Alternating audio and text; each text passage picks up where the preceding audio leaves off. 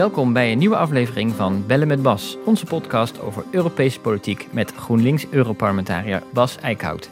Mijn naam is Jeroen en vandaag is het me zo waar gelukt om Bas naast mij hier in de studio van het Europees Parlement te krijgen. Dus het is niet echt bellen met Bas. Het is niet echt Bellen met Bas, maar het heet al Bellen met Bas, dus we Ah, kunnen moeilijk nu in de studio met Bas voor deze één keer doen.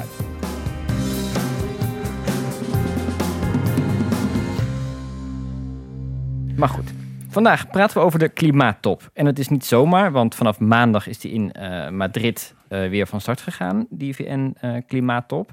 het is nu dinsdag, we nemen de podcast op, want woensdag stap je in de trein naar Madrid. En daar ben je de delegatieleider namens het Europees Parlement. Ja. Nou komen we straks nog even terug wat dat precies eh, betekent. Maar eerst de stand van zaken in de wereld van de internationale klimaatonderhandelingen. Hoe staat het ervoor?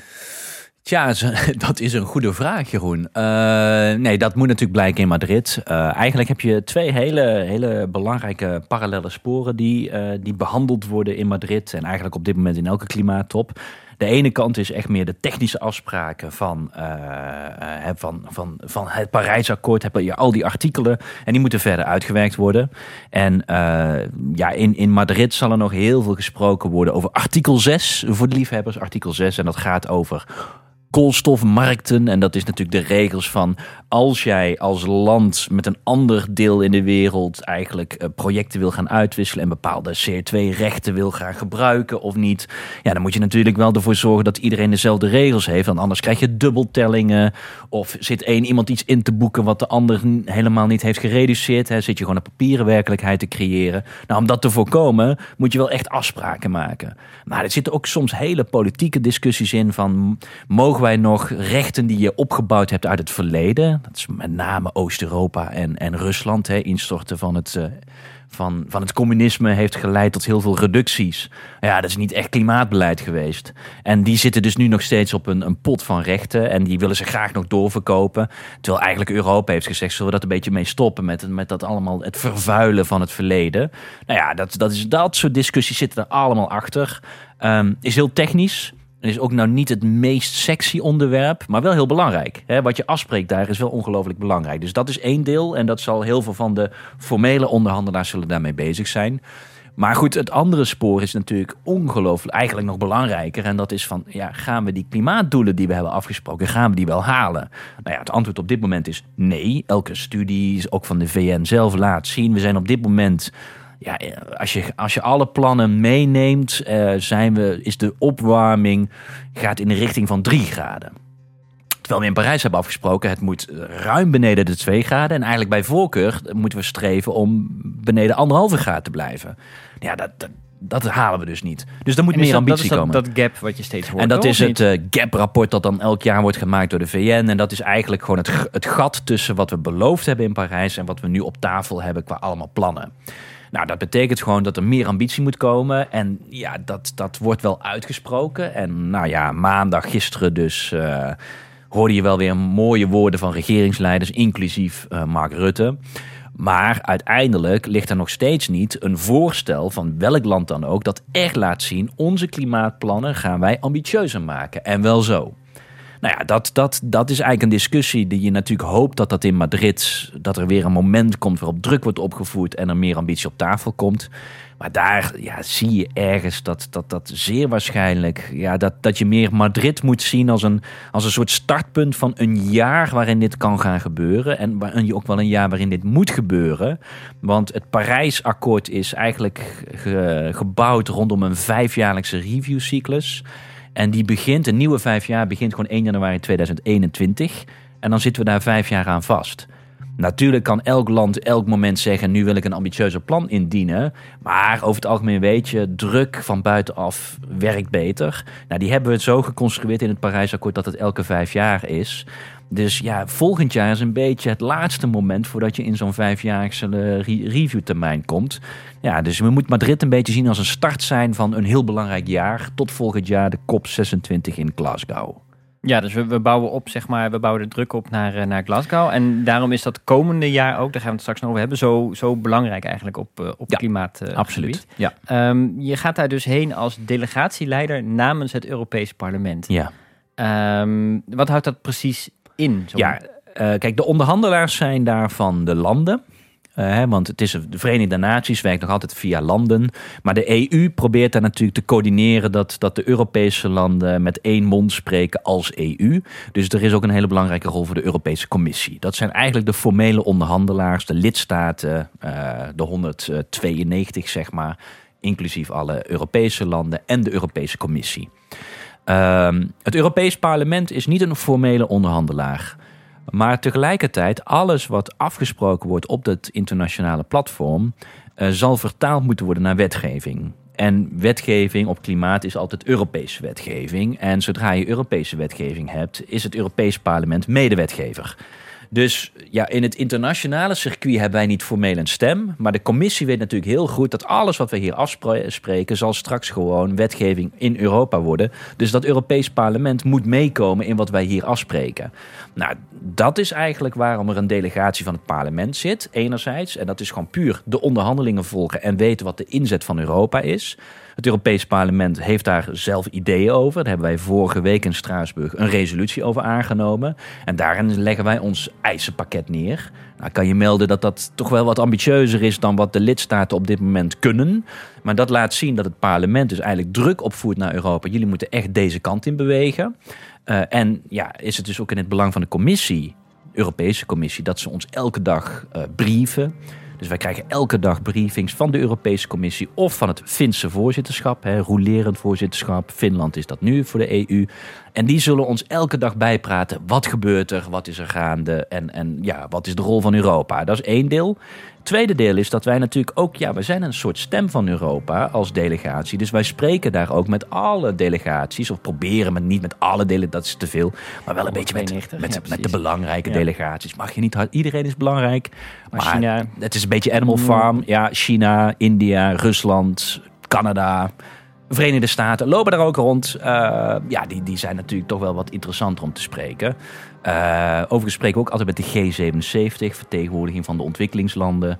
Uh, dus wij zorgen ervoor dat onze delegatie ook al dat soort onderhandelaars spreekt, zodat je ook een beetje kan laten doorklinken wat wij belangrijk vinden. En nou ja, dat, dat kunnen wij ook weer druk uitoefenen op bijvoorbeeld een delegatie als Rusland.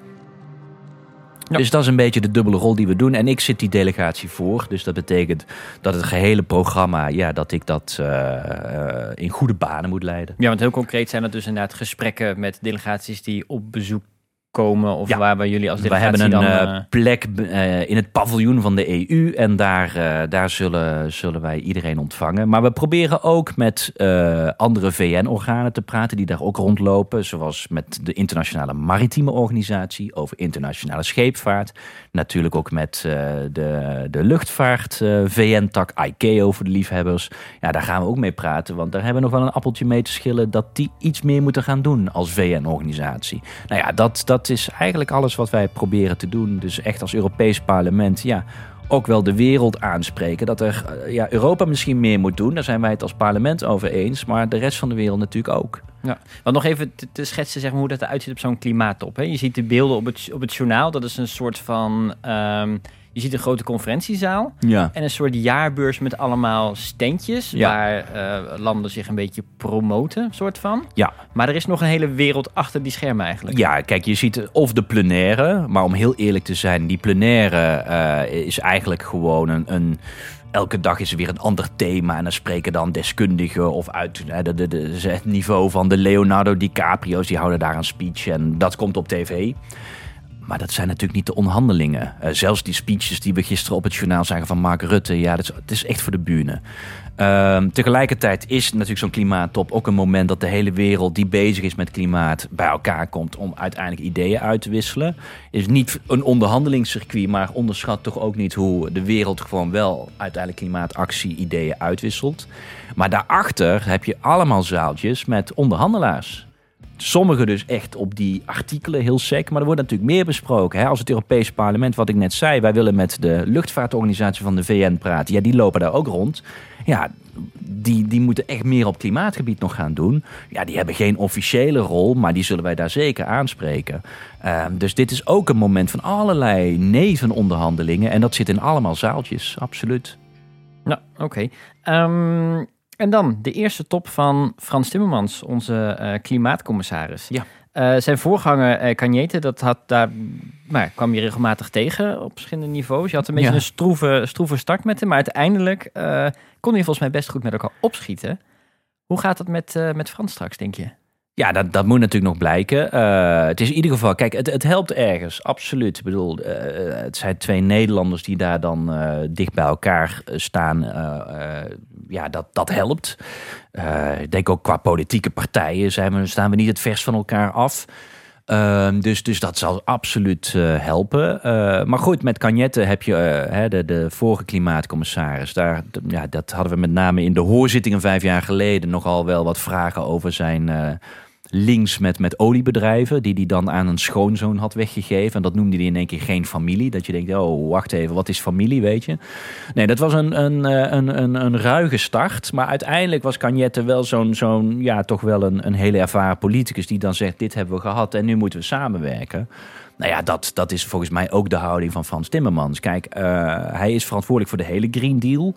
Ja, uh, dat, dat, dat wil hij groots maken ja, dan zal hij het progressieve gedeelte van het Europees Parlement nodig hebben om dat ook groot te kunnen maken. Want er zit natuurlijk verzet op veel fronten, zeker aan de rechterhelft van het uh, en de conservatieve helft van het parlement. Ja, hij zal niet de hele christendemocratische fractie altijd meekrijgen. Ja, of, of hij krijgt dat, maar dan verwatert hij zijn ambities. Dus als hij zijn ambities wil waarmaken, nou, zal hij de groenen mee moeten krijgen. En dat heb ik ook al meteen vanaf het begin gezegd. Laten we daarop samenwerken. Ik uh, je bent daar nu verantwoordelijk eigenlijk voor, voor een agenda waar GroenLinks uh, al jaren voor vecht. Ja, dat, laten, we, laten we proberen er zoveel mogelijk samen uit te halen. En dat is volgens mij ook gewoon de basishouding van Frans Timmermans. Ja, ja precies. Um, nu gaat eh, Timmermans op zich met redelijk lege handen naar Madrid? Heeft hij echt een, een mandaat om daar uitspraken te doen om echt stappen te zetten? Of? Nou ja, kijk, ik, uh, gisteren Ursula von der Leyen uh, probeert dat nog een beetje mooi te maken in een speech. Maar uiteindelijk heeft ze niet zo heel veel gezegd, omdat ze niet veel kan zeggen. Um, kunnen we haar nog niet eens kwalijk nemen. Want het was ook haar eerste werkdag. Het is een beetje flauw natuurlijk om te zeggen... schande dat ze, dat ze niks meer kon zeggen. Het is werkdag nummer één voor haar. Uh, maar kijk, de doelstellingen die Europa heeft omarmd, uh, stammen uit 2014. Dus het befaamde, wij gaan naar min 40% in 2030. Ja, dat hebben we in wetgeving omgezet. Dat heeft de vorige commissie gedaan. Maar dat was puur allemaal op basis van doelstellingen die de regeringsleiders in oktober 2014 hebben afgesproken. Dat is een jaar voor Parijs. Nou, Parijs is echt, heeft stappen verder gezet. Bijvoorbeeld ook de anderhalve graad omarmen, hè, waar we het net over hadden. Ja, dan, dan, dan vraag je toch ook wel af, moet Europa niet meedoen? Nou, dat kunnen ze nu nog niet zeggen. Uh, vervolgens heeft natuurlijk de commissie gezegd, ook al onder Juncker al... nou weet je wat, dan laten we in ieder geval voor 2050 klimaatneutraal worden. Ja, hartstikke mooi. Dat was Juncker al. Hè. Wordt nu allemaal gedaan alsof dat nieuw is. Juncker heeft vorig jaar dit al voorgesteld. Maar daar zijn een aantal landen nog gewoon nog niet dus klaar voor. Uh, de landen die dat nu nog blokkeren, want we hebben ondertussen nu van de 28 landen 25 landen die het hebben onderschreven. Maar het vereist unanimiteit. En Polen, Hongarije en Tsjechië liggen nog dwars. Dus ook klimaatneutraliteit kun jij in Madrid nog niet claimen. Ja, wat Van der Leyen zegt is wij als commissie, commissie zouden het graag willen zien. Maar... maar... ja, dan weten al die landen weten ondertussen heel goed... ja, dat is leuk wat jullie willen, maar is het er al? Ja. Nou, wat nog wel interessant wordt, Timmermans kan dus volgende week maandag niks meer zeggen. Maar, let op, er komt een EU-top. Met een EU-top is er 12 en 13 december. Dat zijn de donderdag en de vrijdag de twee laatste dagen van de klimaattop. De hoop is dat onder druk van die klimaattop in Brussel, Tsjechië, Hongarije en Polen alsnog omgaan, zodat dan Timmermans op zijn laatste dag in Madrid kan zeggen: Ik heb goed nieuws uit Brussel. Maar dat is ongeveer het enige wat Europa kan doen. Dus als je het hebt over meer ambitie op tafel leggen. Het meeste wat Timmermans kan hopen. Is dat hij kan zeggen op vrijdag. Dat, op vrijdag dat in Brussel men nu akkoord is met klimaatneutraliteit in 2050. Ja, dat is natuurlijk nog niet de meer ambitie die meteen uh, ons dichter bij anderhalve graad brengt. Ja, dat, dat zal hij zeggen, dat kan ik hopelijk volgend jaar in Glasgow meer ja. doen. Ja, het blijft een beetje met, met, met uh, twee richtingen op kijken. Want aan de andere kant op woensdag, dus de woensdag voor die, voor die top, gaat ja. uh, Timmermans in Brussel zijn plannen voor de European Green New Deal eh, presenteren. Er is al wat uitgelekt, zagen we. Ja. Wat kun, je, wat kun je zeggen over de inhoud wat nu al bekend is? Ja, en dat, zal, dat, dat doen ze natuurlijk enerzijds op 11 december om ook een beetje de druk op te voeren voor die eurotop die dan de dag daarna begint. Zeer waarschijnlijk gaan ze ook nog wel iets doen met een Just Transition Fund, oftewel een transitiefonds. En dat is natuurlijk een gebaar, een soort, soort portemonnee, waar niet zo heel veel in zit. Maar dat is natuurlijk naar met name Polen, Hongarije en Tsjechië toe.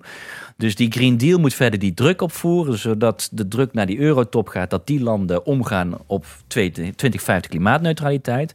Maar het helpt natuurlijk Timmermans ook dat hij dan donderdag en vrijdag in Madrid kan zeggen, nou we hebben een Green Deal gepresenteerd, dus uh, kijk eens hoe goed we bezig zijn. Uh, ja, die Green Deal, uh, die wordt dus 11 december, woensdag 11 december gepresenteerd, volgende week woensdag. Um, ja, wat we daarvan zien is dat dat zeer waarschijnlijk een, een hele goede analyse zal zijn van, van waar zitten de problemen. Die breder zijn dan alleen maar klimaat. Het gaat gewoon over uh, een economie die ongelooflijk afhankelijk is van grondstoffen, die we in grote mate moeten importeren. We hebben een hele verspillende economie. Nou, dat is nou, niet goed voor het milieu, maar ook uiteindelijk voor de duurzaamheid van onze eigen economie is dat ook eindig. Nou ja, dat moet je gaan aanpassen en dan moet dat breder dan alleen klimaat. Dus ik verwacht een, een probleemanalyse die zeer goed zal zijn. De commissie is daar altijd goed in. Probleemanalyses is de commissie heel goed in. Uh, en dan een soort meer aankondiging van, van zaken waar deze commissie aan wel wil gaan werken. Dus dat wordt dan een klimaatwet, een biodiversiteitsstrategie, een, een landbouwstrategie, een circulaire economiestrategie. Uh, nou, je, noem het op, maar je zegt het zit erin. Strategie, dus dat klinkt heel erg langere termijn. We gaan werken aan dat we ooit over vijf jaar... Nou ja, dat is een beetje hebben. waar wij natuurlijk als groenen ook hebben gezegd van... kijk, die Green Deal is natuurlijk iets wat wij, waar wij al, zeg maar tien jaar geleden deden we onze verkiezingscampagne deden we al met de Green Deal. Dus, dus daar zijn wij, dat, dat zien wij als onze agenda, geen probleem. Maar um, ja, een Green Deal kunnen we pas beoordelen als we de plannen zien. En het aankondigen van strategieën met elementen, hè, ingrediënten daarvan, ja, dat zegt nog niet zo heel veel. Want uiteindelijk gaat het om welke wetten gaan we aanpassen. Wat gaan we nou concreet doen? Bijvoorbeeld in die klimaatwet um, gaat zeer waarschijnlijk die 2050 klimaatneutraliteit opgeschreven worden. Ja, dat is leuk, maar als de dag daarna de, de regeringsleiders er al mee akkoord gaan, het enige wat die klimaatwet doet, is dan in een wet schieten wat eigenlijk al geaccordeerd is. Ja, dat is niet een nieuwe Green Deal, is het? Um, de echte discussie is, wat ga je voor 2030? Nou ja, daarin zie je in de uitgelekte stukken ook dat men daar een beetje mee worstelt. Wat kunnen we voor 2030 erin zetten? Nou ja, wij als Groenen zeggen, dan moet je dus je hogere klimaatambitie voor 2030 in vastleggen. Aan de slag. Ja. Aan de slag. Hetzelfde geldt voor landbouw. Um, ja, we hebben op dit moment voorstellen op de tafel liggen voor landbouwhervorming. Dat wordt zeer waarschijnlijk in het voorjaar een deal met de lidstaten. Dan leggen wij het landbouwbeleid van Europa voor zeven jaar vast. En vervolgens, op het moment als je het hebt vastgelegd, komt dan de commissie met het Green Deal element from farm to fork. Van boerderij naar de vork met een strategie die dan gaat zeggen van ja, dit moet beter. Terwijl je dan net het landbouwbeleid voor zeven jaar hebt vastgelegd. Ja, daar zitten gewoon veel punten waarvan wij zeggen, jongens, doe dat nu. Landbouwhervorming zou je eigenlijk nu goed moeten doen.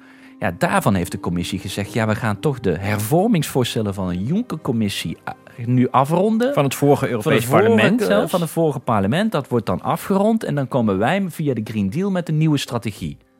Ja, dat soort elementen denk je wel van, ja, ik wil met alle liefde volledig die Green Deal omarmen. Maar er zitten wel echt heel veel van dit soort toch wel rare manoeuvres in. Waardoor wij ook als Groenen hebben gezegd, ja, we zullen het uiteindelijk toch echt moeten beoordelen op die elementen waarin de echte wetswijzigingen komen. Ja, want we hadden het al heel even over, over 2021, dus volgend jaar, die klimaatop dan in... in... 2020 hè, volgend jaar. Uh, volgend jaar 2020. Ja, ja precies. Sorry. Ja, ja ik ben alweer zo ver vooruit dat ik uh, inderdaad even de jaren. Maar ik vind 2020 al heel ver wegklinken. Maar dat is ja, gewoon. Dat is gewoon over een paar weken. Over een paar weken. Ja. Um, maar goed, dat jaar dus wat we hebben, uh, omdat Parijs per 2021 dus ingaat, om even recht te praten. Um, dat betekent dus dat er dit jaar gewoon heel veel moet gebeuren. Gaat dat gebeuren? Uh, nou, er, er, zitten wel allerlei momenten waarin die druk opgevoerd gaat worden. Dus de Green Deal wordt nu gepresenteerd, 11 december. Dan in de eerste 100 dagen komt de commissie met een klimaatwet. Nou, als de commissie 2030 niet gaat voorstellen, dan gaan wij dat wel doen als Europees parlement. Hè? Dat kan ook. Wij kunnen dat dan gaan amenderen. Nou, ik heb wel wat ideeën daarvoor. Dus die discussie over 2030 gaat volgend jaar komen. Uh, er gaat natuurlijk, de hoop is dat de regeringsleiders ergens in juni daarmee akkoord gaan. Want het is belangrijk, want in september is er een EU-China-top in Duitsland. En die EU-China-top, ja, als je nu naar de wereld kijkt met de Verenigde Staten, die dan volledig in presidentsverkiezingscampagne zitten, ja, zal in de wereld, ja, waar wordt naar gekeken? Naar EU en China. Nou, die komen in september bij elkaar in Duitsland. En dat moet wel het moment zijn waarop Europa zegt: wij gaan meer doen. En dat dan China dat hopelijk ook gaat zeggen. En als die twee grote, ja, toch, ja, wereldmachten dat gaan doen dan is de hoop dat dan naar Glasgow toe, wat dan in december is, dat dan ook een land als India meer wil beloven. Dus die dynamiek van meer beloven moet ergens getriggerd worden. En nu zie je dat men toch heel erg kijkt naar die EU-China-top in september. Nou ja, dan hebben we nu dus nog een half jaar om, om te zorgen dat we ook daadwerkelijk meer ambitie kunnen beloven. Ja, de tijd dringt. En uh, dus, dus ja, dat zorgt ervoor dat die hele discussie na het presenteren van de Green Deal echt op de wagen gaat. En ja, gaat het lukken? Dat weet je niet. Maar alle druk, alle, ja, alle ogen zijn op Europa gericht. En als het Europa niet lukt, dan gaat China het niet doen. En dan, dan raak je het momentum van Glasgow kwijt. Dus nou, laten we vooral nu uitgaan van het positieve scenario en dat het gaat lukken. Maar dat betekent dat we snel ja, concrete voorstellen moeten zien. En die gaan begin volgend jaar 2020 ook komen. Oké, nee, we gaan het zien eerst woensdag dus inderdaad met die, met die presentatie. Dan volgen we donderdag um, de, dus de, euro, uh, de eurotop. Ja. Um, Zijn er ook nog Britse verkiezingen? Om er nog wat gezelliger te maken. Wat, uh, ja. wat in te gooien inderdaad, ja. precies. Um, we gaan proberen om je nog te bellen als je in, uh, in ja. Madrid bent uh, straks. Dat we een update kunnen, kunnen geven. Um, we gaan ook gewoon op de website zoals we altijd doen. Uh, blogs schrijven, achtergrondartikelen en dat soort, dat soort zaken. veel succes in, in Madrid. Bas. Dankjewel. Ik, ik ga vanavond mijn tas pakken. Top.